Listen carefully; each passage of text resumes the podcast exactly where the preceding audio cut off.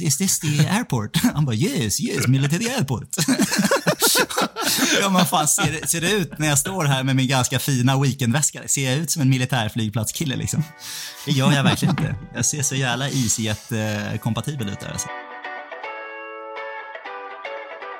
Can Manchester United score? They always score. Rooney! Oh, wonderful! It's Berbatov! Brilliant! Marcus Rashford! Oh, glorious! That is a special one!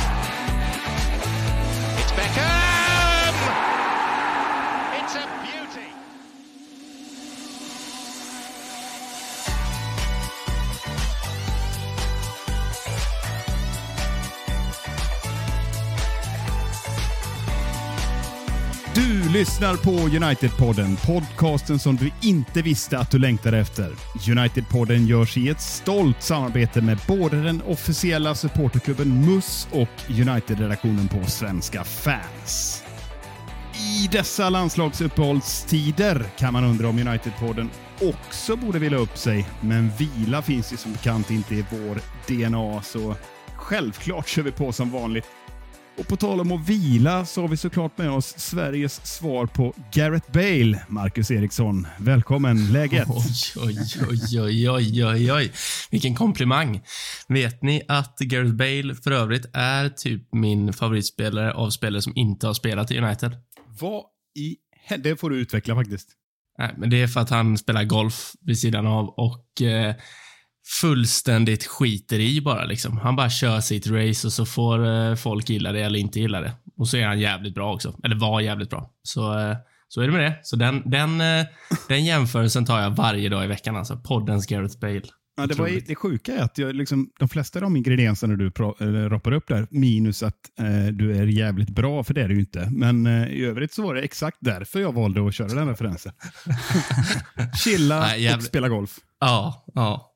Ja, men det är fint. Det är, det är bra med mig om det var en fråga du fick eh, filat in där i början. Så, så är det bra. Det är måndag i Göteborg och eh, lite grått ute har det varit hela dagen. Men eh, jag är pigg och glad som vanligt. Ja, men tack för den väderleksrapporten, Mackan. och vi har ju faktiskt med oss Gustav, tror det eller ej. Han är ju, har inte varit med sen, ja, sen Phil Jones senaste träning tror jag. Men första frågan till dig känns det rätt given. Var, var, liksom, var i världen befinner du dig? Ja, tjena Micke. Jag förstod inte, är det skarpt läge nu? Du har kört det här introt fem gånger nu, så jag börjar undra, ska vi, ska vi spela in nu på riktigt eller? Det var tydligen svårt att sätta den här första minuten. Nu, nu är vi live eller? Ja, nu är vi live. Det, det blir inte mycket bättre så här. Nej, det är bra. Nej, men jag tycker satt där. Bra jobbat Micke, det var snyggt. Vad var det för fråga du, du bollade över på den? nu? Ja, var fan befinner du dig i världen? För det, många undrar ju, det är ju liksom, hur gick den här workshopen i sydländska, eller nederländska Antillerna? Eller vad var det? Ja, det där kan jag inte prata om. Det är sekretessbelagt. Kommer ut om sex månader. Men jag är i, jag är i London. Jag är hemma i, i östra Londons pärla här faktiskt. Och sitter där jag, där jag trivs som allra bäst. Men det har varit, det har varit lite utflykter, fotbollsutflykter här senaste veckorna. Så det, det ser jag ju fram emot att prata mot. Så är det. Ja, spännande. Ja, fan. Inget annat nytt då eh, i ditt... Eh, Nej, jag är, faktiskt genuint, eh, jag är lite raljant här, men kul att vara med igen. Det var väl en, det var ett par veckor sedan. Jag har saknat er grabbar lite. Jag känner att det ni har så jävla bra surr i den här WhatsApp-gruppen. Liksom. Jag hoppar in en gång i veckan och kör en sån här Jim Carrey-GIF och sen så försvinner jag igen. Medan ni har liksom, det är som att ni inte har några andra WhatsApp-grupper. Liksom. Det är som att det här är er primära WhatsApp-grupp. Man kollar läget liksom. Det är kul ändå, men jag har saknat er lite. det sjuka är att det stämmer exakt. Gustavs enda liksom, bidrag är någon GIF då och då. Ja, nej, men det är, men det är kvalitets-GIF, det är det. Ja, fy fan. Ja, Ja, sporadisk. Tack, tack att du frågar. Jag mår alldeles utmärkt. Berätta då, vad händer i Micke, Micke Martinssons liv? Det händer en jävla massa, men eh, också det, även det sekretessbelagt. Kan inte gå in på det. Jag tror det är 18 månaders karantän på den informationen, så Uff. återkommer. Ja, Jag ser fram emot. Ser fram emot. Lägg en liten not i kalendern där då. Har du, har du kollat på någon bra fotboll den senaste tiden? Ja, jag har sett en jävla massa bra fotboll och jag har också sett Manchester United spela. Så ja, det är kul. Ja, går inte alltid hand i hand. Det gör ju inte det.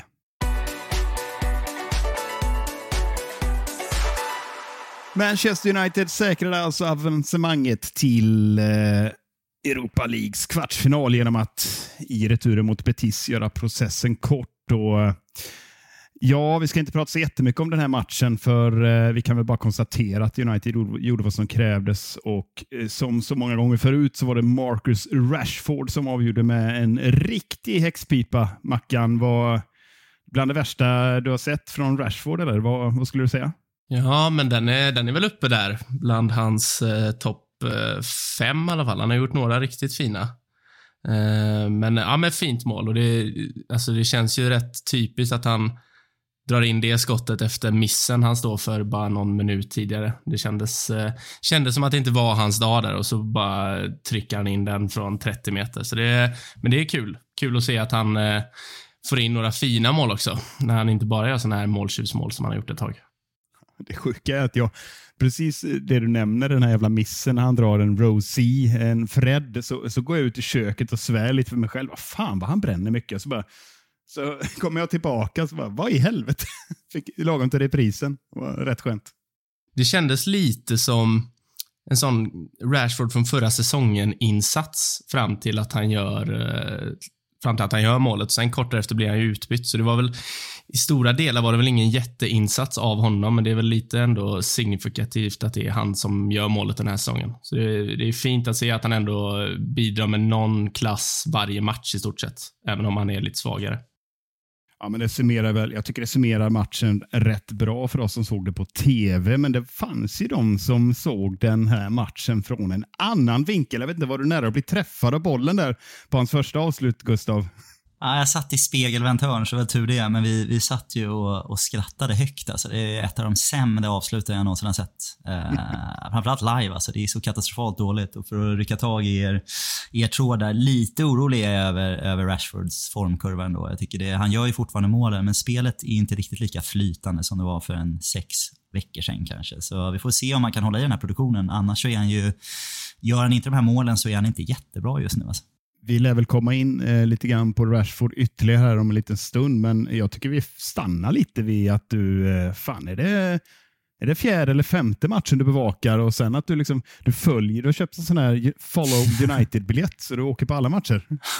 ja, jag gillar mina bortamatcher. Nu var det faktiskt länge sedan jag var på en europeisk bortamatch. Så det var kul att, kul att få den upplevelsen. Och Sevilla som är lite av en, en favoritstad personligen. Så det är ju, där, där rör jag mig gärna omkring ändå. Va? Så det var en toppen, toppenresa på så sätt. Det var 25 grader sol, man satt på ett fint torg med United-fans det var ganska liksom lugn och härlig stämning för att det kändes, alla kände att det här redan var klart. Eh, man hade 4-1 med sig så det var ju Helt ärligt så eh, stämningen på läktaren då blir inte jättebra för det är ganska avslaget. Det känns som att det är lite träningsmatchkaraktär. Eh, alla vet att Betis inte är tillräckligt bra för att göra göra tre mål på United, eller tre mer, fler mål än United i den här matchen.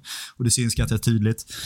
Men att få sitta och dricka några Cruz Campo på torget i Sevilla och sitta och diskutera om vart, vart nästa resmål kan bli. Eh, det har man inte varit bortskämd med i United-kretsar. Så där, där mår man ju bra och spekulerar i vilka, vilka nästa ställe ska bli. Och då blir mm. ironin då att det blir, blir Sevilla igen då. Eh, det mår man inte dåligt av då kan jag säga. Men det är klart, det fanns väl lite, lite önskemål om Rom eller Lissabon och sådär här. Men det, jag tackar verkligen inte nej till Sevilla. Så det gör jag inte. Men så här, faktiskt, jag har, jag har, jag har en grej. För det, jag har eh, jag har faktiskt gjort två stycken resor i Europas B-turneringar här senaste, sen vi, sen vi såg senast. Så dels har jag varit i Sevilla. Jag har också varit i, i inte riktigt lika glamorösa, minus tre i, i Polen och, och i, i, i Poznan.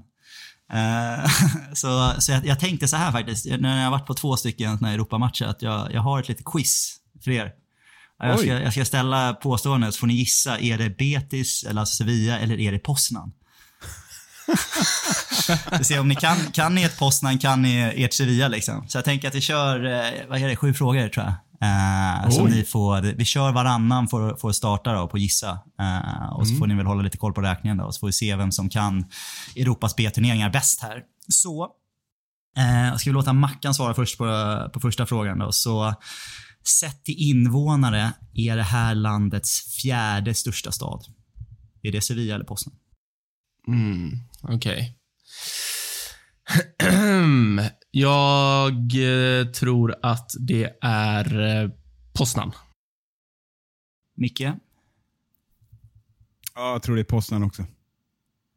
Ni har båda fel faktiskt. Det är Sevilla. Sevilla fjärde, men då, jag tänker ni plockar dem direkt. Barcelona, Madrid förstås. Valencia klämmer in sig där också före Ja. min- Okej, okej. Sevilla. Poznan är tredje största stad i Polen tror jag, så det är inte långt, det är inte långt ifrån då. Så noll poäng då kan man i första. Eh, fråga två då. Det här laget då har vunnit ligan en gång och inhemska kuppen tre. Micke börjar då. Är det Sevilla, eller är det Real Betis då, eller är det Poznan? Det måste vara Real Betis va? Vad tror Mackan? Då tror jag att det är Poznan. Det är Poznan. Det är Betis. Så en poäng till Micke. Vann en gång 1934. Eh, Poznan har varit åtta gånger bland annat senaste året. De var regerande mästare faktiskt i Polen. Eh, så de är framgångsrika. där. Så 1-0 Micke då, tredje frågan. Eh, hemmaarenan tar 42 269 åskådare och byggdes 1968. Och har renoverats sedan dess. Mackan, är det i Poznan eller är det i Sevilla? Det, det måste vara i Sevilla. Det känner jag mig hyfsat eh, säker på. Känner du trygg i? Micke? Mm. Nej, det här känns som att det borde vara Poznan. Känner Poznan. Det är Micke på det alltså. Det är en jävla super, superarena i Polen. 42 000. Eh, ombyggd till EM-slutspelet de hade där i Polen-Ukraina. Ja. va? Eh, Benito Villamarin, eh, 60 000 tror jag. För er som, det var Ja, samma avsnitt. Jag satt ju och pratade om det. Att, jag, att vi skulle på det här 1800-talet för också, tre veckor sedan. ja, nästan. 30-tal tror jag. Men inte långt ifrån en jävla topparena kan jag säga. 2-0 till, eh, till Micke då. Är det här redemption för United-podden-quizet här? Vi har, hittat Äntligen Mac- får jag det. vi har hittat Mackas hål i alla hans fotbollskunskap. Det är, det, är, det är Polens tredje största stad. Det är där, det är där vi tappar honom. Äntligen. Ja, där sviker jag. Ja, det är bra. Fråga fyra då. Eh, nu har jag tappat räkningen. Det är Micke som svarar först då kanske. Eh, en lokal pint, eller en stor stark då som ni säger, där ni bor, eh, på en pub får man tag på för ungefär 2,30 euro, så säger 25 kronor. Eh, vart är det någonstans? Ja, det är Poznan. Vad säger Ja, Mackan? ja det, det, är, det är Poznan. Det tror jag. Ja, ni har båda rätt. Eh, hur långt ifrån är det i Spanien då, om man ska ha motsvarande tror ni? Om vi säger Det 25 är väl, svenska spänn. eh, det, är väl eh, det dubbla då kanske? Minst Nej, det är- fem- 50-60. Nej, verkligen inte faktiskt. Det, det löser du för 2,50 så det är fan, det är typ 30 spänn. Det är bara några kronor till. Uff. Ganska bill, billigt att dricka lokal öl eh, i, i Spanien, så det rekommenderas varmt. Eh, 3-1 va? Eh, femte frågan är Mackan här. då. Den här. En svensk före detta Manchester United-spelare har representerat den här klubben. Är det Real Betis eller är det Poznan? Ehm, det, det, måste vara Betis. Mm. Ja, jag Vad tror tror Micke? också Betis. Ja, vill ni spekulera här? Ni har, ni har rätt båda två. Vem är den svenska före detta United-spelaren som har spelat i Real Betis? Vi har inte så många svenskar i United, det vet ni. Ja. Vad fan? Nej, alltså fundera på liksom vad fan om... Eh, det är ju inte Henke. Nej, det är det inte. Inte. Svensk. Vad fan. Men det måste väl vara Blomqvist då, eller? Eller vad, missar jag någon uppenbar? Ja. Jag funderar på om inte var inte Bojan där, eller så här sjukt. Nej. Nej, ja, nej. ni- Ja, ni har ett par. Ni, ni är och gräver, men det är faktiskt, man får gå ännu längre tillbaka. Det är Johnny Ekström alltså. Gamla United-rackaren. Johnny Bråttom eh, Ja. är ju... Han gjorde en säsong i Betis på 90-talet. Eh, andra svenskar där, Jermo Mollins, Torbjörn Jonsson, IFK Norrköping-spelaren på 60-talet för er som, er som minns honom. Jag vet, ni sitter och hoppar på era stolar nu. Kommer han nä- nämna Tobbe? Torbjörn? Jo, men det gör han. Den får ni där ute, ute i stugorna. Den ska ni ha. Ja, inga, inga United-spelare i Poznan. Uh, vad sa vi då? Var det 3-1 kanske? Till Micke? Ja. Kan det stämma? Uh, 4-2 va? 4-2? Ja, vi kan Mm, ge det. Det känns inte som att det var det. Men vi, vi, tar, vi säger 4-2, det är samma marginal. Så jobbar vi idag. Det är måndag. Vi behöver det. Fråga 6 då. Eh, det blir lite mer personligt här då. Men bänkgrannen eh, tycker matchen saknar nerv och drar i sig en kopiös mängd ladd för att sen helt vara hyper under resten, resten av matchen.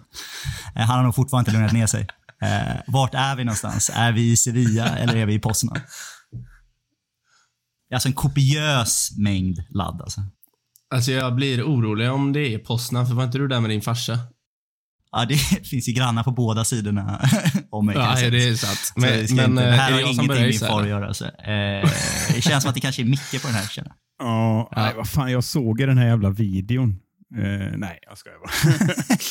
nej, nej, men eh, jag gissar, alltså det här är ju svårt alltså, men det, det måste ju vara posten, det måste vara Polen, Poznan.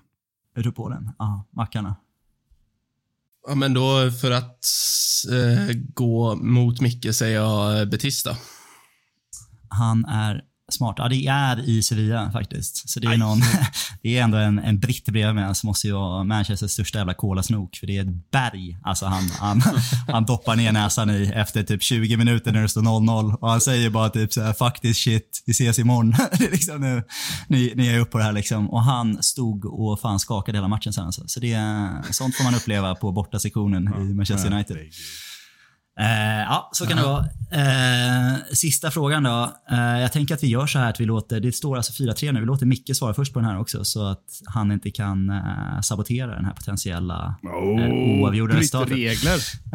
Nej, men jag tänker så får vi ha det. Så, taxichauffören i stan har dålig taktkänsla. När jag ber taxin att köra mig till flygplatsen så körs jag till ett öde fält och ett militärflygplats cirka en timme från stans internationella flygplats och missar därför mitt plan. Vart är vi någonstans? Är vi i Poznan eller är vi i Sevilla? Ja, det låter ju polskt alltså. Det, de har ju druck, druckit fotogen och grejer. De som kör det. De kör på samma skit som de dricker. Ja, jag tror på Poznan. Vad tror Mackarna? Ja, jag, tr- jag tror också på Poznan tyvärr.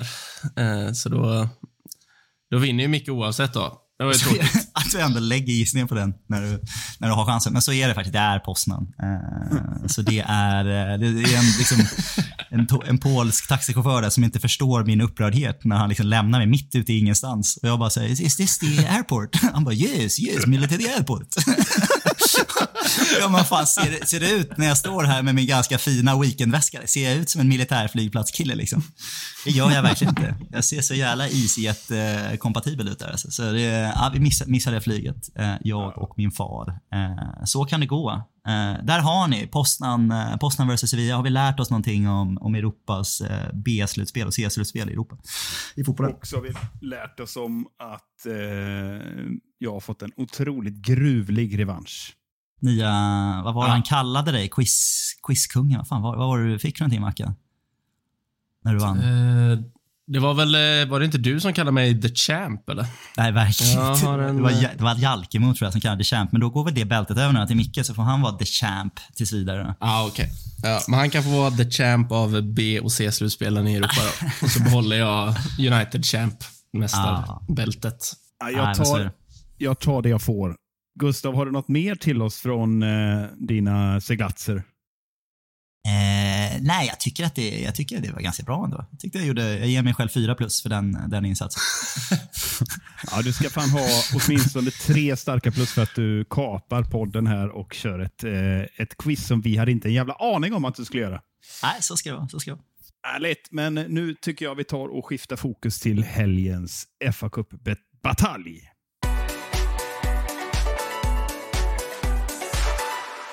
Manchester United lyckades alltså krångla sig vidare till Wembley och semifinal i FA-cupen efter en riktig kaosmatch får vi ändå säga. Efter att Fulham haft ett järngrepp om matchen i 70 minuter så hände allting på några minuter. Ja, bara kort summering, sen ska ni få gå in och kommentera det. För det känns ändå som att man måste ändå påminna sig om vad fasen det var som hände. För först så fintar ju Sancho ner halva Fulham-försvaret alla Henke Larsson mot Bulgarien i bronsmatchen 94 som ni minns där, kanske några av er. Skillnaden här var ju att Fulham körde med flygande målvakt och istället ställde vänsterforwarden William i mål och han gjorde en lysande parad med sin högerhand som han också visade väldigt noga kort efteråt, men det uppskattades inte av, av och domare Chris Kavanagh som efter en kik på dumburken kunde konstatera straff och rött kort på den flygande målisen William. Men här vill jag ha hjälp att ta oss igenom vad, vad fan är det som händer sen? Valfri får hoppa in och berätta det. Det är väl så att Marco Silva får väl rött kort innan Kavanagh ens har tagit ett beslut i frågan, va? Så är det ja. Ja. topplocket ryker redan innan ett beslut är taget. Det är ändå uppfriskande på något eh, dumt jävla sätt alltså. Eh, sen, det är också kul att han försöker liksom halvpudla efter matchen och säga att han fick rött kort för att han var ur sitt tekniska område. Det var inte för att han skrek alla världens svordomar och stod och pekade på domaren med världens aggressivaste blick eh, två meter ifrån honom. Utan det var bara att han var, han var strax utanför sitt tekniska område. Vilken jävla jubelidiot alltså. Men, eh, Frågan är alltså, enligt objektiva sanningen här så är han alltså upprörd för två missade eh, VAR-tillfällen för straff för Fulham i första halvlek. Är det korrekt? Liksom? Ja, jag, jag uppfattar det så. Det, den ena kommer jag ihåg, för den är så jäkla tidigt i matchen. Det är ju på... Båda är väl på Mitrovic, men den ena är väl när Shaw ganska tydligt eh, halv... Jag vet, alltså knuffar är väl hårt, men han eh, trycker till honom lite rätt i ryggen och han eh, ja, faller pladask framför. Den, den, alltså, det är klantigt av Shaw. Jag vet inte fan om den är så solklar som Silva vill få den till. Eh, och den andra är väl när Mitrovic också filmar egentligen där med Martinez. Mm. Försöker trycka sig in framför och nästan fäller Martinez och ramlar själv. Så det var ju... Ja, men det var, det var två, eh, två situationer som Silva tydligen tyckte var solklara då. Det var, det var kul att höra. Ja, vad, för om vi liksom bara stannar där för ett kort ögonblick. När, är det på Morte som släpar bort Silva i, i första läget. Och han gjorde nytta sen, även i nästa situation såg jag.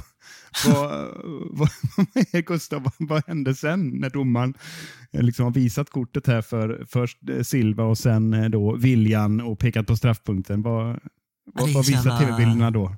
Ja, det är obegripligt. Man ser alltså Alexander Mitrovic går fram och han är så jävla aggressiv. Det är någonting som är, det är ett sånt tydligt jävla domslut också. Den är ju, vi, har, vi har ju haft många VAR-beslut där man känner att ja, men här kan det gå lite hur som helst. Men här är det ju liksom en tydlig jävla hands som stoppar ett mål. Det är klart att det är ett rött kort, det är klart att det är en straff. Liksom. Men ändå så är han alltså så aggressiv. Han går fram först och Ja, men först tror jag han väl bara upp och pekar lite, men sen så trycker han ju till honom ganska bra. Ger honom en bra liten sån här, en liten en hockeykyss liksom.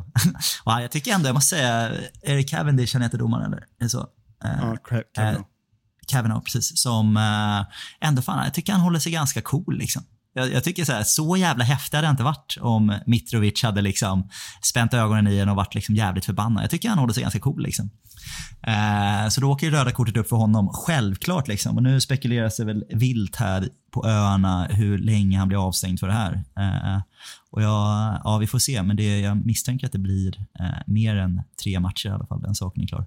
Ja, Mackan, du brukar ju säga, slänga dig med, med ditt eh, eviga citat, det var det sämsta jag har sett och, och så vidare. Men, men eh, jag tror inte jag har sett något liknande och nu kommer, håll i er, nu kommer en hockeyreferens. Jag vet att ni älskar det, ni som lyssnar. Men eh, det var en eh, semifinal i eh, SM-slutspelet i elitserien på 90-talet. Där är jag stark för övrigt. Det är inte många som tar mig ett quiz där. Men nu nu där, sitter jag och myser. Ja, kör på nu Micke. där, där Djurgården eh, uppe i gamla fina Kempehallen eh, Modo, Modo, gör, Modo. Ja. gör processen kort mot Modo, Modo, Modo.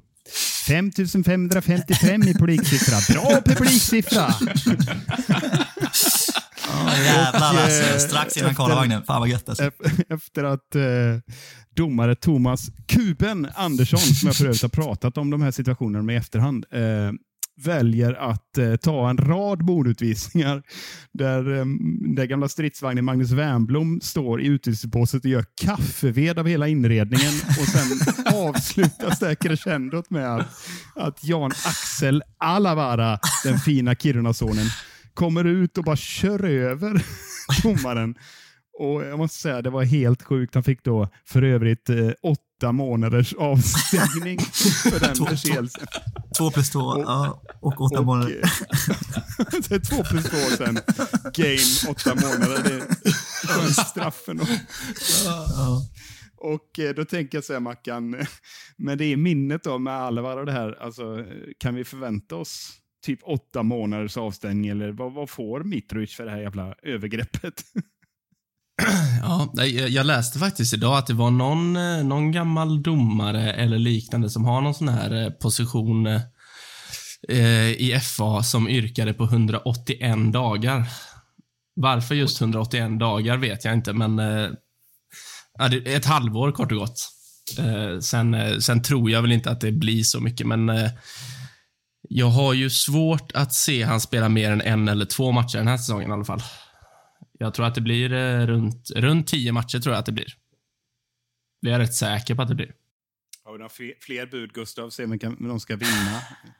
Ja, nej, men det, det är också så jävla inkonsekvent i hur den här straffskalan är i europeisk toppfotboll och i Premier League. Man, så man känner man har inga referenspunkter. Liksom. Jag, ska väl, jag kan väl känna att om man tittar på vad typ Casemiro för, får för sitt, inom citationstecken, stryptag. Eh, eh, så kan man ju känna att det här är ju mot en domare. Eh, men å andra, å andra sidan känner jag att det liksom är jag, jag, tycker inte så jävla farligt är det inte. Alltså det är ju inte, ja, det är inte bra liksom. Men i, i, min, i min bok så skulle han få fem matcher här och that's it. Eh, men jag misstänker att han kommer, de kommer sätta ett, eh, göra ett statement här och ge honom tio, tio matcher plus någonting. Eh, och då blir det väl där någonstans i vad, vad Mackan gissar på. Ett, kanske någon match till resten av den här säsongen. Vi får se. Ja, men det känns ju som att man vill ju, som Mackan är inne på, de här uppgifterna om ett halvår. De vill statuera exempel här och så var det någon som slängde in att Bruno Fernandes nuddade en linjedomare och kom undan med det häromsistens. Eh, sen ska vi ju den här, jag ska inte försvara fulla, men det är klart det är mycket känslor som kommer där. Eh, de har matchen i, som sagt i ett järngrepp och så händer den här de här eh, seriehändelserna som är förödande för deras del och det kokar liksom över på alla håll och kanter. Så, eh, men, men man förstår inte riktigt vad Mitrovic ska fram där och vara så otroligt arg. Han är ganska yvig och aggressiv i grunden, liksom. men han, när han ska fram och så nära, det är så jävla korkat så det finns inte. Så jag tror att han får nog eh, jag tror han får fem matcher för själva tilltaget och så får han nog tre matcher till för att, jag skulle gissa på åtta matcher för, för att han rör domaren.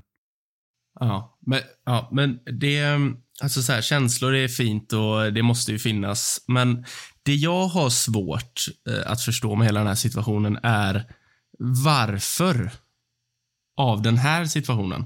Det, det finns liksom ingenting att tveka. Alltså domaren har ju ingenting annat att göra. Vad fan, vad fan ska han göra? Ska han bara låta den vara? Ska han springa fram till tvn och blunda? Det går ju inte. Så det, det, det finns ju... Det, det, det, är helt. Ja, men det, det, är ju ingen tveksam, det är ingen tveksam tackling eller eh, alltså att det är en feldömd straff eller vad fan. Alltså det, det, går ju inte att, alltså det går ju inte att klaga på beslutet han tar. Det, det är så svårt att förstå. Bara hur, hur, kan, hur kan de tappa det så fullständigt? Matchen är ju inte, alltså de leder ju fortfarande matchen när både Silva och Mitrovic mm. tar utvisningen och matchen. Alltså även med en man mindre 20, knappa kvarten kvar, 1-1. Det kan de ju hålla. Det finns ju ingenting som inte talar för det. Liksom. Så nej, jag förstår ingenting. Det är, de, jag tycker de skämde ut sig. Alltså. Så, så ja. ja. Nej, det är så, ja, så, så jävla dumt. Jag är samma, samma på, på Mackans båda. Så jag, jag vill i grund och botten se mer känslor i fotboll. Färre fula tacklingar. Alltså längre straff på de här liksom, gula korttacklingarna eller ibland röda kort som ger tre matcher där man känner att han kan skada en spelare i nio månader. Liksom. Längre straff på de tacklingarna och mindre på det här jävla vanliga testosteronbufflandet. Liksom, som inte är så mm. skaderisk. Utan det är mer bara att det ser inte så bra ut för sporten. Liksom. Så jag tycker att det här är liksom, jag vill ha mer sånt här. Får man tänka på något gammalt, det är något jävla klipp, det är typ 70-tal. Då det är någon, det är engelska ligan tror jag, då det är först liksom de krokar ihop i någon jävla tackling och det är liksom dobbar i bröstet och sparkar och så vänder sig den ena spelaren om och bara drar en riktig jävla högerkrok. Alltså en riktigt jävla bok, boxnings liksom rakt över ansiktet liksom på den andra. Det är en sån jävla liksom kyss. Och sen så slutar det där med att domaren liksom går och så drar i dem som det är Sankt Erikscupen, drar deras armar ihop. Så, ja, nu, nu säger ni förlåt och så spelar vi på. Inga jävla gula kort, ingenting alltså. Och där känner jag så här, men det där, mer åt det och mindre åt det vi har idag känner jag. Jag skulle vilja se mer det. Ta ett jävla handslag och säg förlåt och så kör vi på nu grabbar. Liksom. Det, ja. det gillar jag. Mer, mer Paolo Di Canio när han knuffade den, den rundlagde domaren som rullade iväg som en badboll. oh, så fin. Ja, det var kul. Vi, vi, vi, eh, vi konstaterar i alla fall att eh, det var en väldigt speciell situation och för att flytta fokus vidare lite grann så kan man ju konstatera, jag har sagt det två gånger, säger det tre gånger till. Det var liksom en helt sjuk eh, match med två ansikten och efter liksom den här trippelutvisningen kunde United vända matchen på två minuter. Glömmer man nästan bort, det bara small till. Först Brunos patenterade straff och sen klev ju faktiskt vår fina österrikare fram och visade skills på Luke Shaws inspel. Och sen var matchen vunnen. Men eh, vad, vad, vad satt ni och funderade på liksom när ja, efter allting det här hade hänt i fem minuter, allting bara händer och så sen sitter man bara och tänker på vad fan, vad ska hända nu liksom? Nio man mot elva. Ja, men det är också sån där känsla för mig, ett illusionstrick. Att man typ så helt plötsligt har glömt bort hur jävla dåliga vi var i 70 minuter. Liksom. Att, och hur, hur välförtjänt vi låg under med 1-0 och hur man hade ändå spenderat en dryg timme på att tänka typ så här, fan vi börjar se lite tröttkörda ut. Och det är liksom, ta dåliga beslut och vi ser liksom som att det är, och det är visserligen, vi hade en Europamatch här ganska nyligen, men det är ändå, jag tror att det här landslagsuppehållet som vi kanske inte är så förtjusta i övrigt kommer ganska passande för oss. För jag kände att det var ju inte en, äh, det var ju en väldigt svag insats fram till allt det här dramat hände. Mm. Jag var ju lite inne på i förra avsnittet, jag tror det är på torsk, 0-2 var ju mitt tips och blev totalt utdömd. Så satt och funderade på, finns det något att glädja sig åt här? Ja, jag hade rätt, det skulle gå åt helvete, tänkte jag. Men, men Mackan, du var ju säker på seger. Innan i alla fall. Ja, jag, jag, var inte säker på seger efter eh, 72 spelade minuter. Det var, det var jag inte. Då var jag rätt säker på eh, Fulham-seger med tanke på... Men det, det är som Gustav säger också, alltså, man glömmer efter en sån här match hur pass dåliga vi var länge. Alltså det här är en av våra sämre insatser den här säsongen skulle jag säga, Utö utöver de uppenbara innan någon innan någon säger ni förlorade med 7-0 mot Liverpool. Jo, det, jag är medveten om det. Jag har inte glömt den. Men eh, alltså rent, eh, ja, men väldigt dåligt i nästan alla delar av spelet var det väldigt länge. Ja, men det, det är en lämplig övergång tycker jag till eh, att eh, slänga in lite spelarprestationsbetyg här. Eller vad säger du Mackan? Eh, vad har du till oss i eh, det gamla fina segmentet Veckans macka? Eh, nej men eh, Den som var bäst tycker jag var väldigt enkelt att komma fram till den här veckan. Det är ju bara David de Gea som är bra matchen igenom. och hade det varit fram till den 70 minuten så är det väl bara David de Gea som egentligen är godkänd. så nej, såklart David de Gea var bäst i United enligt mig. Ska vi lyssna på nummer två här innan, innan vi kommenterar? Men eh, då eh, hoppar jag väl eh, in i tvåan också. Den här tycker jag är lite svår alltså. Jag tycker att Lisandro Martinez, han är väl också godkänd egentligen fram till eh, 70 minuten. Med tanke på hur dåliga vi faktiskt är så är ändå Martinez eh, konsekvent jävla bra hela tiden typ. Han gör inte bort sig. Han ligger rätt. Eh, han slarvar lite i passningsspelet, men han är han är absolut godkänd och eh, mer krävs inte, tycker jag, för att bli näst bäst. Eh, sen, alltså, jag hade kunnat välja någon annan, men jag tycker att till exempel att Bruno är väldigt bra under en så kort del av matchen. Han gör två mål. Det är jättebra, det är matchavgörande. Eh, Sancho är jättebra i 20 minuter. Anton är bra när han kommer in. Eh, men jag, jag, tycker liksom att det blir för pajigt att sitta och brumma 15 minuters prestationer. Så När det är två, jag, två man med dessutom. Ja, så jag säger att Martinez är näst bäst. Ja, Gustav, du får gå lös här så eh, jag vet. Jag, jag avvaktar lite. Nej, men jag är nog beredd att hålla med. Jag hade väl eh, liksom min, min shortlist för näst bäst. var Lisandro låg där uppe. Bruno pratade precis om. Jag håller med om att jag tycker inte att han håller hela, en, gör en bra match hela insats, eller hela matchen. Eh, Sabitzer kanske jag tycker ändå så här, jag tycker man får någonting av honom som jag, som jag gillar. Eh, men det är också i ett, i ett dåligt, eh, dåligt umgänge. Liksom. Så det, det ser ju relativt lite bättre ut tycker jag, men det är ingen jättebra insats. Så jag tycker väl att jag hade nog hamnat på Lisandro också i, i slutändan. Så jag, jag köper det. Nej, jag, jag håller med. Jag hade ingen cliffhanger att bjuda på. Det sker ju solklart bäst. Han, han ser till att vi överhuvudtaget har möjlighet till den här vändningen. Det, det kunde stått både 2 och 3-0. Eh, han gör framförallt en eh, räddning på, jag tror det är Mitrovic som vanligt, som, som nickar ganska hårt mot bortre stolpen. Det är helt otroligt att han reagerar sent och ändå hinner ut eh, en patenterad de Gea helt enkelt. Så att jag håller med. Och Martinez vill jag egentligen bara säga. Jag har noterat ett lite nytt grepp som han använder sig av nästan varje match nu. Ni ser det framför er. Det kommer en liten boll över honom som han medvetet inte går upp på, utan han släpper den över sig och sen rusar mot eget mål och så har han någon i ryggen så tänker han att nu ska han spela hem till de Gea. Eh, nej, men då tvärvänder han bara rakt upp i banan. med någon kroppsfint. Han, han, har gjort den fem, sex gånger. Det är helt otrolig manöver. Han ser ut som han sitter fast i gräsmattan. Det går liksom inte att göra något åt det. Han är helt otrolig med just, just det, det rörelsemönstret med, med eh, bollen, eller felvänd. Liksom. Helt otrolig. Ja, jag vet vad du refererar till och det är liksom det är lustigt för det är ju grund, eh, grundbulten i försvarsspel, är så att försöka spela rättvänd så mycket som möjligt. Liksom. Och att han, han sätter sig i den situationen självmant. Då, liksom. Men han, eh, han löser det så himla snyggt. Så det, eh, nej, fan man, man älskar Lisandro Martinez, det gör man. Nu är vi nyfikna på vem det är som måste höja sig, Mackan. Ja, Eh, jag tycker att det här var ganska självklart också. Även om eh, det var en del dåliga insatser så tycker jag att Scott McTominay är eh, rätt så överlägset sämst. Kommer inte in i det alls, kommer fel in i press, kommer fel in i passningsspelet. Alltså, värderar ganska skevt nästan hela tiden tycker jag och sprider bollar omkring sig. Så ja, nej, jag jag, jag tycker att McTominay är klart sämst. Så är det bara. Jag håller med och jag tycker det, liksom, det blir... Jag tycker nästan lite synd om McTominay för han känner en press här ser jag på honom. Han har fått massa instruktioner med sig. Han eh, ska inte komma ner och hämta boll utan han ska pusha upp. Ändå kommer han ner ibland och ställer sig i passningsskugga. Eh, han kommer liksom inte rätt i något positionsspel egentligen. Det blir inte riktigt hans matchbild. Och det, förutom att han är machotränad som det känns mest hela tiden så blir han hopplöst otajmad. Han får inte ens till de här löpningarna, ni vet när han älgar på, tar tag i bollen och kan löpa ifrån.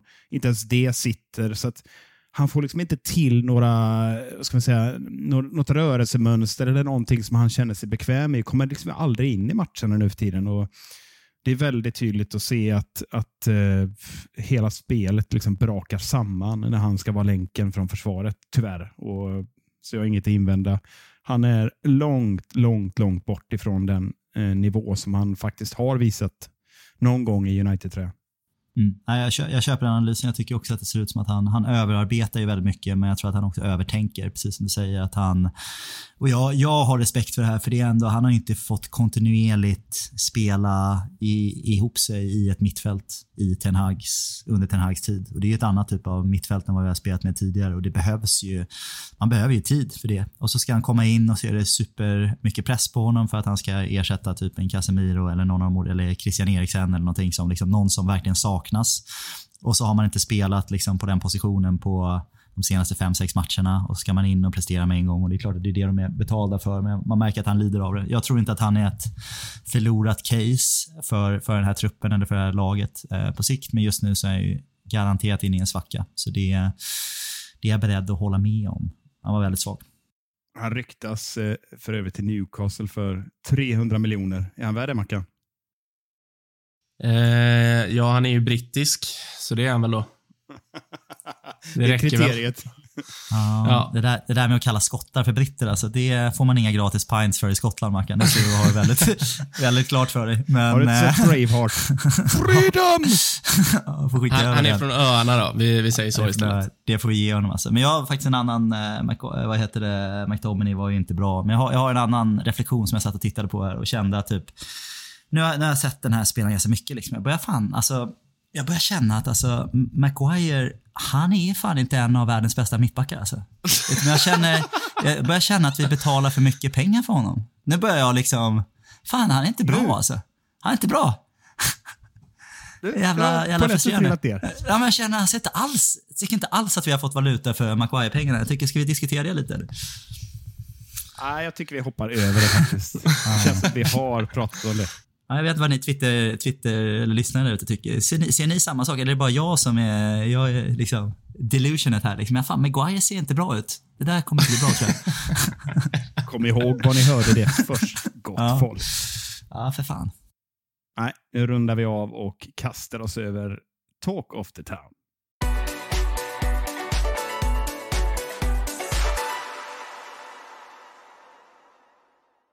Succésegmentet Talk of the Town är tillbaka med fem aktuella pissämnen som Mackan och Gugge i vanlig ordning tog chansar på. Micke försöker rädda upp skiten på sin sedvanliga 2 plus-nivå. Var i helvete är Adam? Första påståendet lyder Sju förluster på 46 matcher och vidare i alla kupper. Men United har haft tur och spelar fortfarande Ole Gunnar Solskär-fotboll. Och vi tackar eh, lyssnaren Martin Åslund för det här påståendet. Eh, vad, eh, vad säger du Gustav? Är det sant här? Ja, jag, känner, jag känner att jag behöver bakgrund här. Jag känner att jag, jag har varit i ide och det känns som att det är någon metareferens. Du sitter och citerar dig själv här i, i en Twitter. Jag, jag har sett eh, fragment från den här Twitter, men vad är bakgrunden här? Du, du, jag tyckte ändå att du la ut en bra tweet som eh, påpekar att United har förlorat lika många matcher som Arsenal. Eh, men eh, är bakgrunden då att vi får skit av Åslund för han säger att vi har inte, vi har inte tagit tillräckligt stora framsteg sen Solskär? Eh, är det det som är Ja, kontentan här? Det, det kan man säga är kontentan och jag väljer inte att liksom lägga ut texten mer där, mer än att, att eh, jämförelsen då, för lite kon kontext här då. Jag valde då att jämföra med just Manchester Uniteds 46 matcher och våra sju förluster. Då. Eh, sex, sex förluster i ligan och en i Europa Leagues gruppspel. Och sen då Arsenal som jag tog som benchmark eh, Eh, som är så fantastiskt bra på alla sätt och vis. Ni vet ju det. Eh, 39 matcher och sju förluster. De har åkt ur alla kupper så eh, det är ju två förluster i Europa League. Då, dels i gruppspelet och sen när de åkte ur och sen naturligtvis när de åkte ur FA-cupen och ligacupen. Och Det är liksom bara ur den kontexten där jag tycker Åslund liksom angriper projektet eh, Ten Hag och benchar då de senaste tre, fyra matcherna verkar det som. 0-0 mot Southampton, 0-7 Liverpool och så, och så då här nu Fulham och påstår liksom att, eh, att United inte har något, utvecklat något spel utan man är kvar på Ole Gunnar Solskjaer-nivån. Där har du bakgrunden Gustav. Vill du tycka till nu då? Ja, men jag provar nu istället. Då. Det låter ju, det låter ju befängt. Då, för i de här samma då, veckorna så har vi då spelat ut Real Betis efter noter. Eh, lag från en liga som engelska lag alltid har haft svårt mot. Och vi visar hur, hur dominanta vi är mot vad är det, Spaniens fjärde bästa lag i dagsläget. Eller där i krokarna i alla fall. Och någon vecka innan dess har vi spelat ut Spaniens bästa lag Eh, och spelat ut dem i samma cup på ett otroligt bra sätt med ett fantastiskt liksom, eget spel som vi aldrig någonsin hade när vi slog ut PSG med Solskär eller eh, tog eh, segrar mot Liverpool och City med Solskär. Så det är ju förstås, vi har gjort jätteframsteg eh, spelmässigt. Framförallt bollförande eh, och med vårt egna spel. Så det, eh, kommer inte riktigt ihåg vad påståendet löd, men det låter ju som att jag återigen får ställa mig emot Martin Åslund. Det var ju liksom min, min eh, gamla Eurotalk-debut här. Att jag, då, var, då var det i och för sig Scott McTominay som vi bråkade om och jag sa att nej, men han håller tillräckligt hög klass. Det tyckte inte Åslund. Och så det kanske, jag kanske får äta upp mina skor här idag för ända. Men här, här, håller jag, här håller jag verkligen med dig Micke. alltså. Ja, det är inte bara Åslund ska vi säga i sann public service-anda som tycker det här, utan han fick ju lite oväntat, inte så oväntat ska sägas, eh, påhäng av lite Arsenal-supportrar som vaknade av jämförelsen kanske. Mackan, vad, vad tycker du? Har United haft tur och spelar bara omställningsfotboll här? Ja, jag är helt på eh, Mr Artetas eh, spår här i ditt eh, Twitterflöde. Han verkar vara en jävla stjärna. Han kan, han kan skriva till mig på Twitter så kan vi diskutera fotboll, jag och honom. Det blir, det blir trevligt tror jag. Så Mr Arteta, du vet, du vet var jag finns.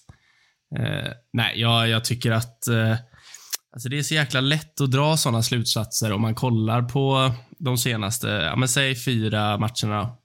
För då, då har det ju i ärlighetens namn inte sett särskilt bra ut. Eh, spelarna ser slitna ut. Eh, alltså vi, vi har ingen truppbredd att tala om. Samma spelare spelar varje match. Det, det är klart att det tär både på spelarna, på systemet, på prestationerna. Eh, så att, att dra den slutsatsen är så... Det är så jag, jag, jag blir ganska trött på det, för det är så populistiskt. liksom. Han vet ju vad det kommer ge. Det kommer, det kommer eh, vara Arsenal-supportrar och Liverpool-supportrar som hakar på och så kommer United-supportrar eh, sätta sig i motstrid och så får han den där eh, tiden i, i rampljuset. Jag, jag, jag tycker att det är... Ja, som sagt, jag tror, jag, det, är- det är lat bara att säga så. Då, då har man inte sett United den här säsongen. Om, eh, om man jämför detta United med det vi såg under Solskär stora delar så så antingen förstår man inte fotboll särskilt bra eller så vill man bara vara lite motstrids och vara lite halvskön. Ja, och jag väljer faktiskt då att eh, låta den här diskussionen eh, växa bort från Martin Åslund, för jag tycker det är fler som häver ur sig sådana här saker och han, han har faktiskt poänger ibland också, ska sägas. Men just här är han ute och seglar tycker jag. Och om vi liksom börjar med det som du är inne på Mackan, att vi har spelat hysteriskt mycket matcher. Vi har skador. Ja, andra lag har också skador. Men det är lite enklare för Arsenal att spela en match i veckan. Så är det ju. Eh, vad hade hänt om United hade åkt ur alla kupper etc. Och liksom bara stanna där i, i liksom jämförelsen. Och Sen har vi det här med att kupper eh, är verkligen det viktigaste att sätta ett spel i kupper. Handlar det inte bara om att vinna matchen? Skit, jag skiter fullständigt hur det ser ut. Sen är det klart på längre sikt vill jag ju att eh, Ten Hag ska utveckla United till något annat än det som Mourinho eller Solskär stod för. Men det har jag sett. Jag har sett varenda United-match och jag har sett andra matcher också. Och Jämför jag United med topplagen, ja, det är ju Arsenal som har haft ett förbannat fint spel och det är ju City som har ett otroligt spel i grunden. Eh, men det är också hackat lite grann på Citys håll. Och sen de andra lagen. Ja, men hur många, hur många lag spelar ut alla lag hela tiden? det är väldigt, väldigt få. Så att, med det sagt och med vetskapen om att det är ganska många United-supportrar som fortfarande eh, är liksom fast i det här gamla och negativa och inte ser något positivt fast vi är på en väldigt bra plats just nu. Till dem skulle jag säga att ni kan fan inte fotboll. Titta om matcherna igen då, så får ni se att det är väldigt, väldigt stor skillnad på det Ten Hag förespråkar och det Ole förespråkar. Men det, det som jag tycker är lite roligt med Arsenal-supportrar framför allt då, det, det gäller ju Liverpool-supportrar eh, och eh, jag tänkte säga City-supportrar, men det, det, finns inte så många. Eh, det är att så fort, eh, så fort man säger någonting positivt om United, då tar de det som att det är negativt om Arsenal eller Liverpool. Fan vilken bra tränare Ten Hag är. Om Arteta då? Han är bättre. Men fan, jag bryr mig inte. Det, det är inte det det handlar om. Det, alltså, Arsenal har gjort en fantastisk säsong och är i detta läget eh, klart välförtjänta mästare, tycker jag. Eh, men det tar ju inte ifrån Uniteds säsong att den också är väldigt bra och att den har gjort ett jättebra arbete och att det ser bättre och bättre ut. Så det, det blir liksom en diskussion om ingenting. Att United är bra är det, alltså det är ett faktum att vi har tagit kliv. Ser man inte det så vet jag inte vad man har kollat på. Nej, verkligen. Och jag vet att jag, jag har nämnt det här förut, men jag, den, här, den, här, typen av liksom, diskussioner rör, rör, mig så jävla lite i, i ryggen på riktigt. Alltså. Att jag känner att det, det här är liksom lillebrorskomplex.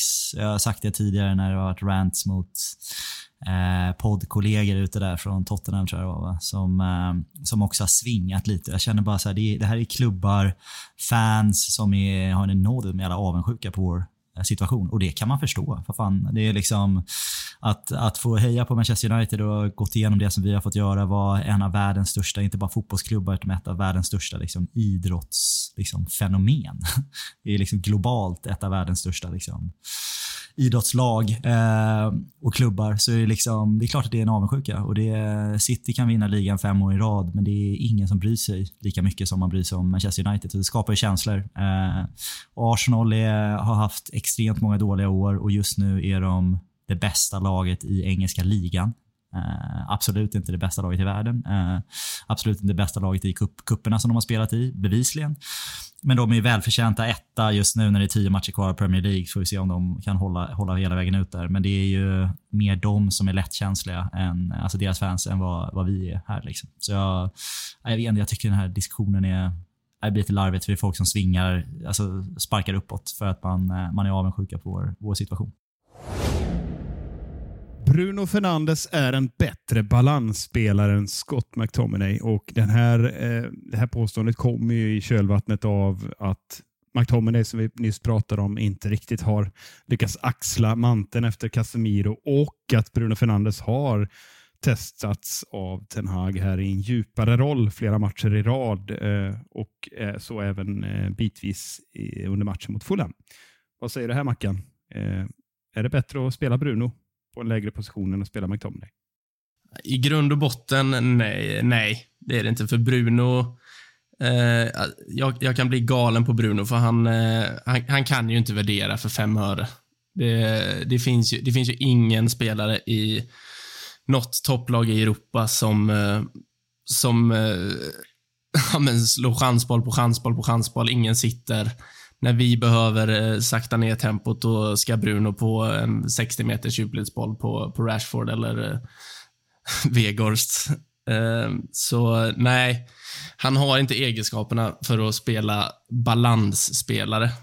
Då får man ha då får man ha en Casemiro bredvid honom i så fall.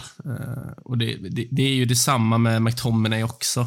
Det är det här jag har pratat om i egentligen alla år med McTominay, Eh, när han spelar bredvid Fred också. Det blir, de, de tar ut varandra. Ingen har det här säkerhetstänket. De är, de är som Bill och Bull. Båda ser lika dumma ut, springer runt i cirklar, eh, anfallskåta och bara satan in i straffområdet och gör mål. Liksom. Eh, finns det, det, finns inget säkerhetstänk. Det, eh, därför är ju McTominay inte en balansspelare. Uh, och det är verkligen inte Bruno Fernandes heller, så det här är ju skitsvårt. men nu tvingas du välja. ja, men då, välj, då möt, möter vi ett topplag och ska spela med en balansspelare då, så väljer jag ändå McTominay före Bruno i den rollen. Det, det får jag säga. Man kan ju vända och vrida på det här Gustav. Eh, som jag uppfattat, när, när Casemiro inte spelar så, så vrider man den där pivån så att det är två stycken eh, som, som spelar mer jämsides och tar upp markering eh, som man försökte göra i vissa Försöker. matcher. Här. Där, Bruno, där Bruno liksom är, spelar jämsides.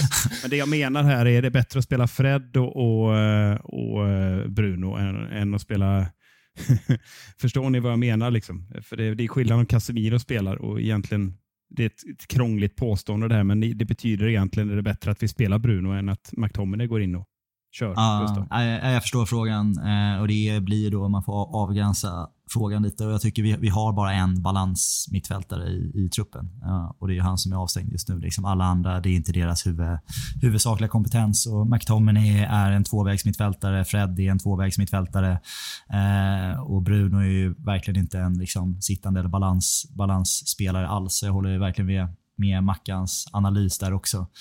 Så med det sagt så tycker jag väl att en McTominay i hygglig form är, känns bättre att ha i den rollen om vi nu måste ha en sån. Och så har man eh, något kreativt eh, omkring honom. Då litar jag mer på McTominays egenskaper i grund och botten. Men om du liksom vinklar frågan till vad du sa här på slutet i att om vi spelar match nu i början på april om man tittar på formen. Alltså jag tror ju mer på form än på liksom Championship Manager-attribut som man inte kommer upp i i dagsläget. Så då ser jag hellre att man drar ner än, än Bruno Fernandes för det finns alternativ som man kan sätta liksom uppe i den, den triangeln. Eh, och att liksom, jag, jag hade hellre flyttat runt det så, men det är inte för att Bruno på något sätt är en bra balansspelare eller en bättre balansspelare än vad McTominay egentligen är.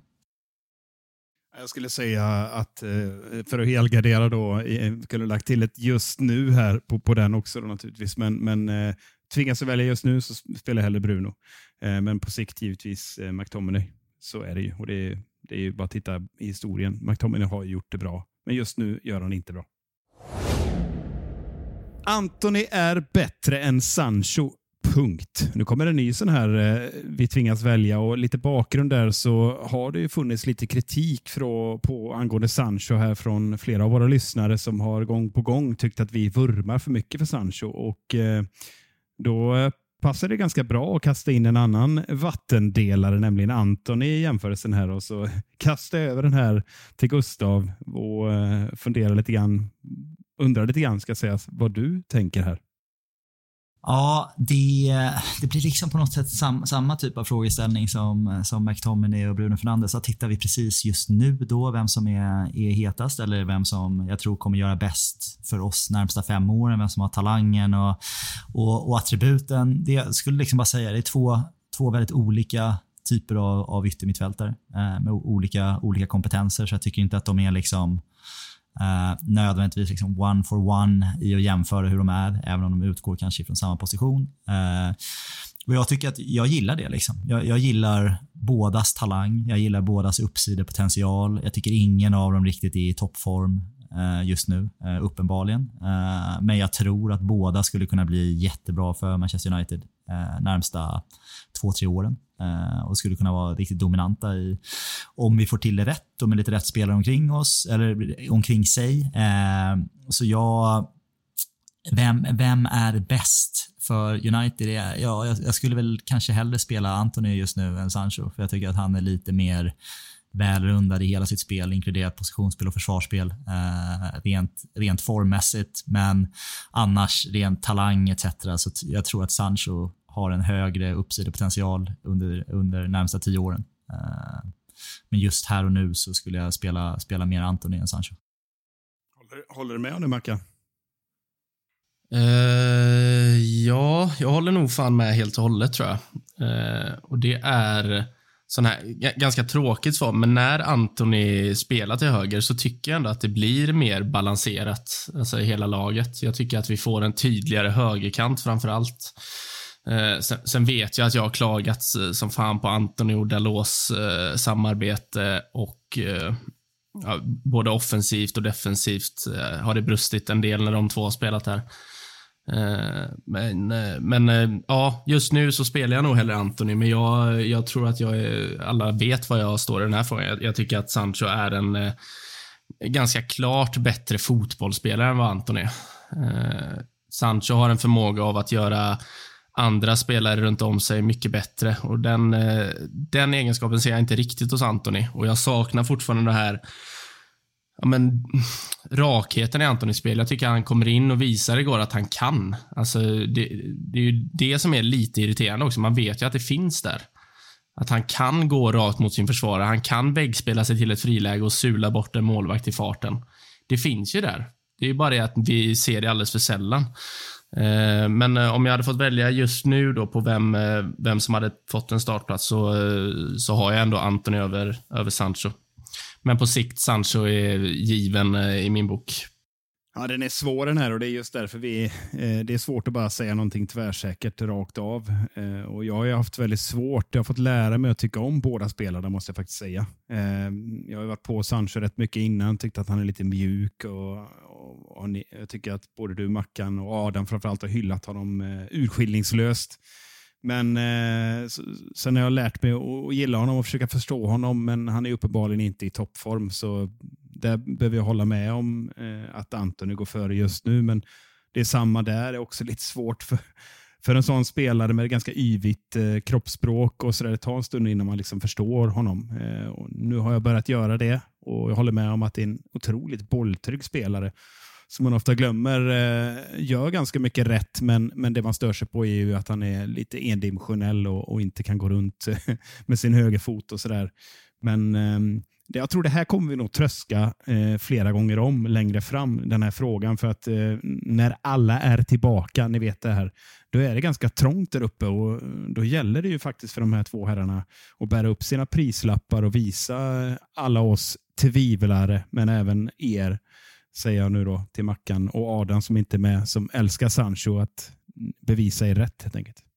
Får jag bara säga innan vi går vidare, jag, jag tror ju att Sancho och Anthony ha, alltså har egenskaperna för att bli jäkligt bra tillsammans. Jag tror att de kan alltså kombinera på ett väldigt bra sätt.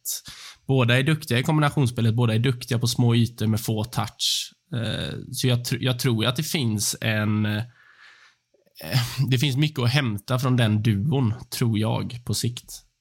Eh, så det hade varit kul att se dem spela alltså, tillsammans mer än vad de har gjort hittills. Ja, men jag håller med. Jag skulle också bara vilja vicka i en av Mickes sista kommentarer där med, med prissumman för de här. Det är ett ganska sjukt konstaterande att vi nä, nästan har lagt 200 miljoner pund på de här två, två spelarna och ändå så på något sätt så är jag minst lika intresserad av att se Garnacho som har kommit från akademin liksom ta, spela framför dem. Uh, och även Rashford, men det är ju mer självklart. Han är så etablerad nu. Men de har även Garnacho och det tycker jag är, det är därför jag inte gillar egentligen att spendera jättemycket pengar på den här typen av ytter anfallare för det är så jävla liksom, de är i bra form i 10 matcher och då funkar allt och så är man jättebra och sen så funkar ingenting i 20 matcher.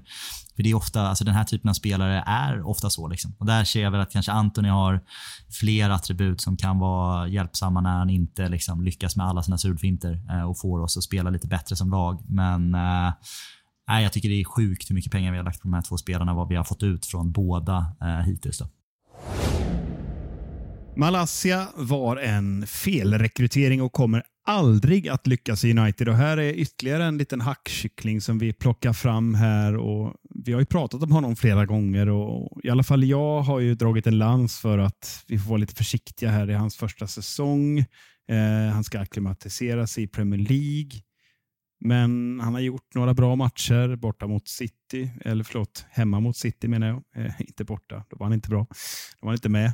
Men eh, jag i alla fall eh, skulle vilja börja med att säga att jag funderar lite grann kring den här, kring den här rekryteringen. För eh, jag ser vad Ten Hag vill ha. Han vill ha en rörlig, snabb, eh, aggressiv eh, vänsterback som som kan springa upp och ner. Men samtidigt vill han ha en inverteringsfunktion i dem så att han kan gå in och äga boll. Och jag tycker inte riktigt att han, han fyller den här arbetsbeskrivningen. Och det är såklart lite haltande att jämföra honom med Luke Shaw som är fullfjädrad landslagsman och liksom rutinerad med allt vad det innebär och ja, eh, har verkligen visat klassen.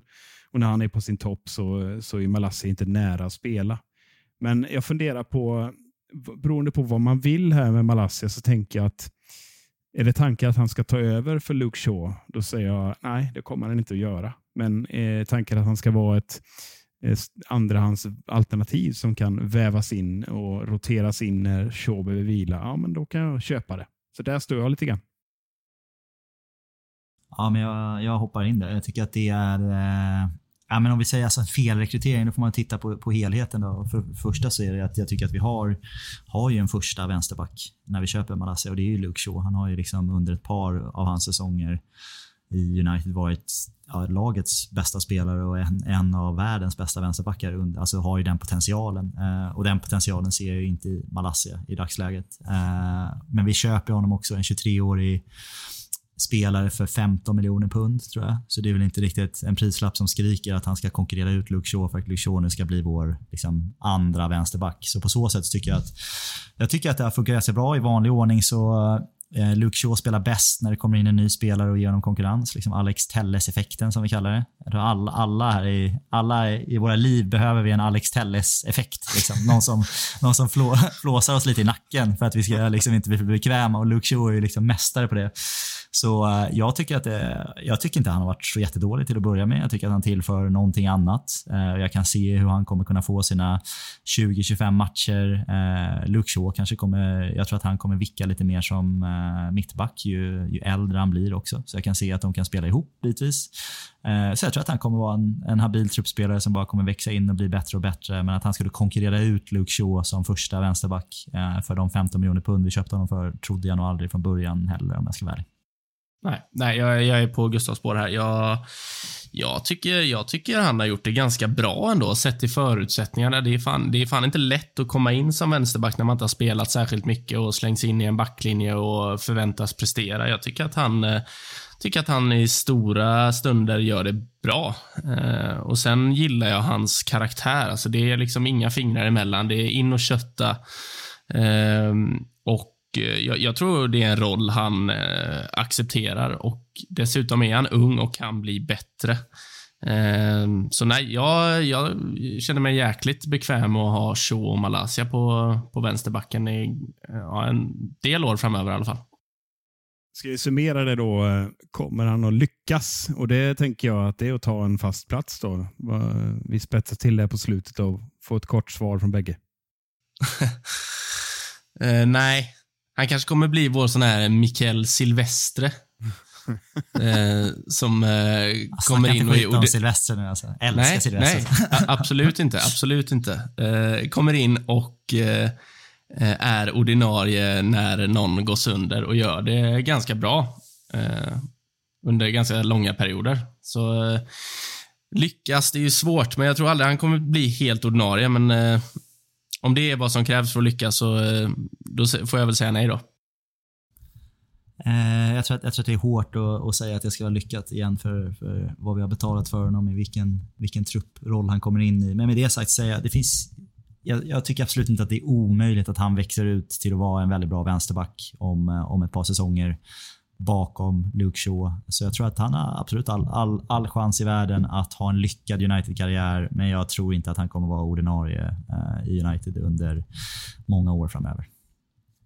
Och jag säger att han inte kommer att lyckas. Mm. Ett sista påstående är på ingång här, men det blir så märkligt att läsa upp det så att eh, vi har valt att göra en liten specialare av det sista. Fuck, marry, kill känner ni alla till. Eh, det dyker upp här då och då i, det här formatet och eh, nu tänker jag vi alla här ska få eh, just välja mellan de tre alternativen när det gäller Premier League, FA-cupen och Europa League. Och kontexten är ju helt enkelt att United tävlar på alla fronter och vi kan konstatera att vi kan alltså potentiellt spela hela 19 matcher till och då ligger man redan på 46 spelade matcher som vi har konstaterat. Det skulle innebära sinnessjuka 65 matcher om det nu skulle bli så. Det måste ju nästan vara rekord för övrigt, eller väldigt länge sedan vi spelade så många matcher. Är det någon som har något sånt, eh, något sånt eh, rekordtal i, i bakhuvudet? Nej, de, de sitter jag inte och eh, tänker på så ofta. Men jag vet ju att Liverpool spelade väl något liknande förra året, för det var de ju jävligt tydliga med att påpeka 702 gånger innan, eh, innan sommaren eh, drog igång där. Så det, nej, det är ju sjukt. 65, 65 matcher sa du? Ja, så vi kan inte Ja, ha varit 65 långt matcher. ifrån, vi kan inte ha varit långt ifrån den här Solskjaer-säsongen när vi gick till semifinal i allt. Liksom. För då hade vi våra 38 Premier League-matcher och det enda vi missade var de där sista tre finalerna. Då. Så vi måste ju vara i närheten i alla fall då, tänker jag. Men eh, nu har vi lite finaler i oss. Det är ändå galet och jämför man bara kort innan vi tar oss igenom det här så eh, Spurs har 10 matcher kvar. Arsenal har tio matcher kvar. Liverpool och Newcastle har 12 matcher var kvar i handen. Så att det är lite skillnad där eh, om det nu skulle bli så. Men nu ska vi få hjälpa United att prioritera lite grann här på ett speciellt sätt. Och, eh, jag vet inte vem som vill börja, men jag, tänker att Gustav älskar ju att börja. Så du ska få eh, ta oss igenom här Fuck, marry, kill, ligacupen, FA-cupen, eller förlåt, ligan, FA-cupen eller Europa League. Jag tänker att vi kanske måste ändå sätta referensramarna här för vilken av, av vad, vad det här innebär då. Liksom. Att det är ju, kill kan vi alla komma överens om att det är ju den, den sämsta. Liksom. Men sen så tänker jag att det, befinner, det är väl lite beroende på att man befinner sig i livet, liksom, vilket man tycker är, är, är viktigast här, de andra två. Nu är liksom, eh, Mackan. Mackan håller ju bara på att pussas på Instagram nu, så nu, nu han, ju, han tänker att gifta sig, det, det, det är väl nummer ett för dig Mackan, tänker jag. Så jävla sno, sno, snofsig är han på, på Instagram nu för tiden. Så är, är det så eller Mackan? Är nummer ett det är giftermål eller? Ja, nummer ett är giftermål och så sparar jag mig till äktenskapet så det blir ju, då, blir ju tvåan faktor såklart. Ja, Och sen när jag tröttnat, sen när jag tröttnat på det, då är det kill. Då är det kill.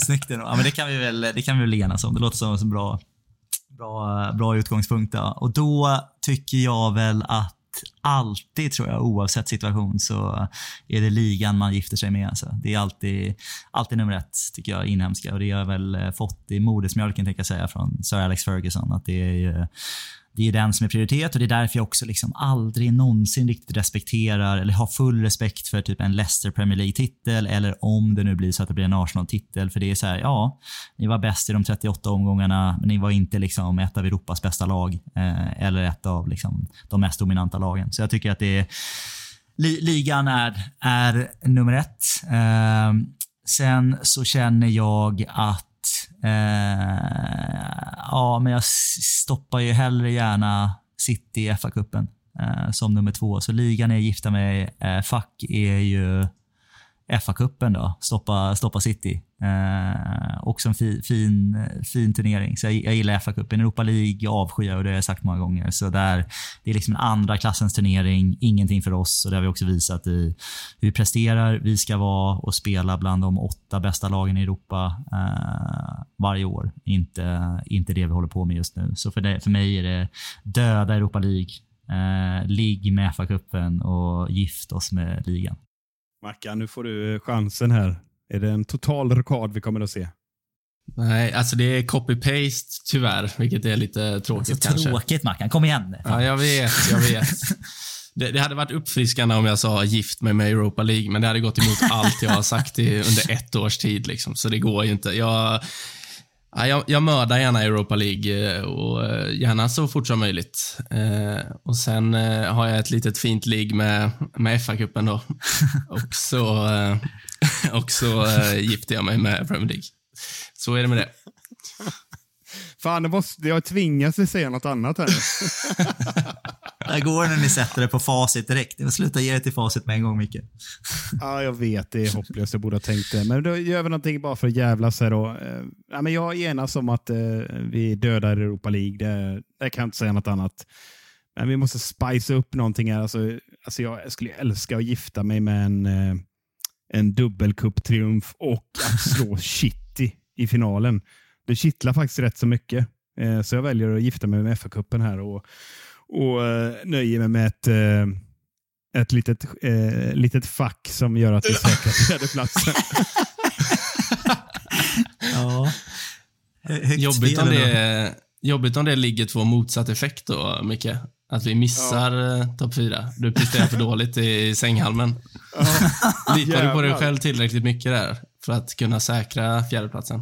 Ja, det är ju därför jag väljer att gambla lite, för jag vet att jag har ju förmågan. Liksom. Både hålla i både äktenskap och... Låt oss prata mer om det, Micke.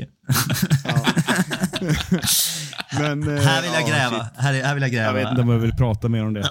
Men, eh, Nej, men jag tycker så här, om man ska vara lite seriös, tycker jag, om liksom så här, investerar ni mig, tänker att det finns ju någon typ av sån här arbitragemodell här där man kan jobba i att om man prioriterar Europa League så kan man ju både få det som det enda vi troligtvis kan få från ligan just nu, vilket är en Champions League-kvalificering. Då, för vi är väl kanske överens om att vi inte har en ligatitel inom, inom räckhåll här. Utan när vi säger prioritera ligan så handlar det om att hålla kvar vår Champions League-plats, antar jag. Eh, Så vinner vi Europa League så får vi ju både en titel och en eh, Champions League-plats nästa år. Eh, Så lite kan jag känna att matematikern i mig på något sätt tycker att det, det kanske är det man skulle göra, men hjärtat säger alltid att ligan ska, ligan ska gå först. mm. ja, men vi, vi rundar av där. Var det något mer vi skulle säga om Fuck, marry, kill eller ska vi skita i det?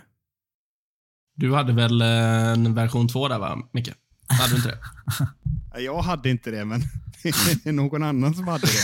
vad, var det för, vad var det för någonting? Jag, jag såg något surra runt om det. Vad, vad, är det vad, har jag missat?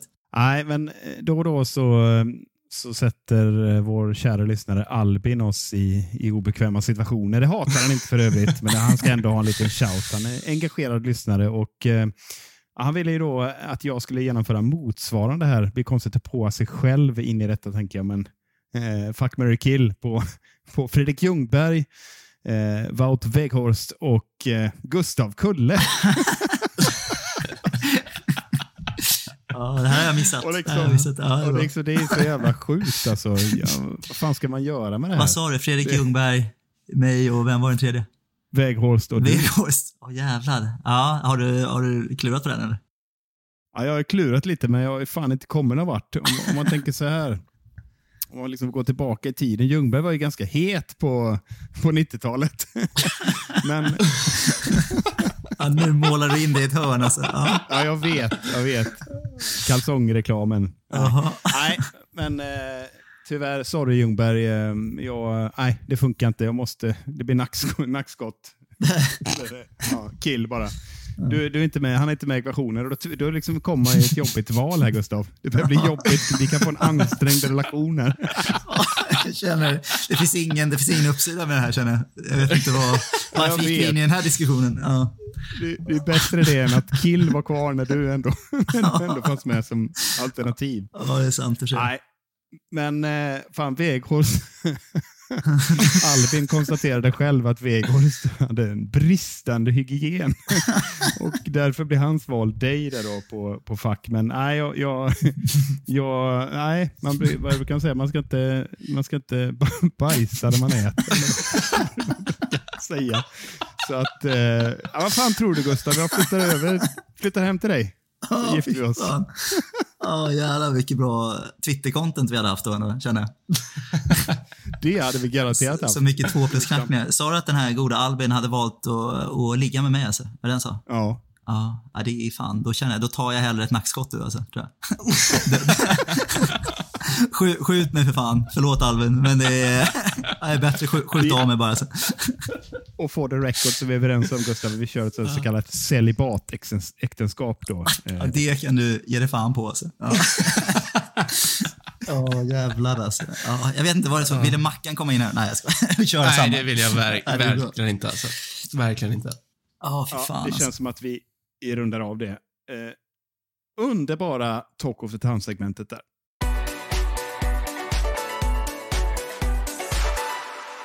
Härnäst väntar alltså ingen ny match utan ett lamslående landslagsuppehåll. Och samtidigt eh, får vi ändå säga att United får lite rum för psykisk återhämtning åtminstone för som vi konstaterat, det är ganska många landslagsspelare i truppen, men innan vi spekulerar i vad just eh, det här innebär för United på sikt och vad det är för typ av lag som kommer tillbaka efter uppehållet så man är ju nyfiken på det här att uh, Mackan får riva av. Vad, vad, tycker du egentligen om landslagsuppehåll?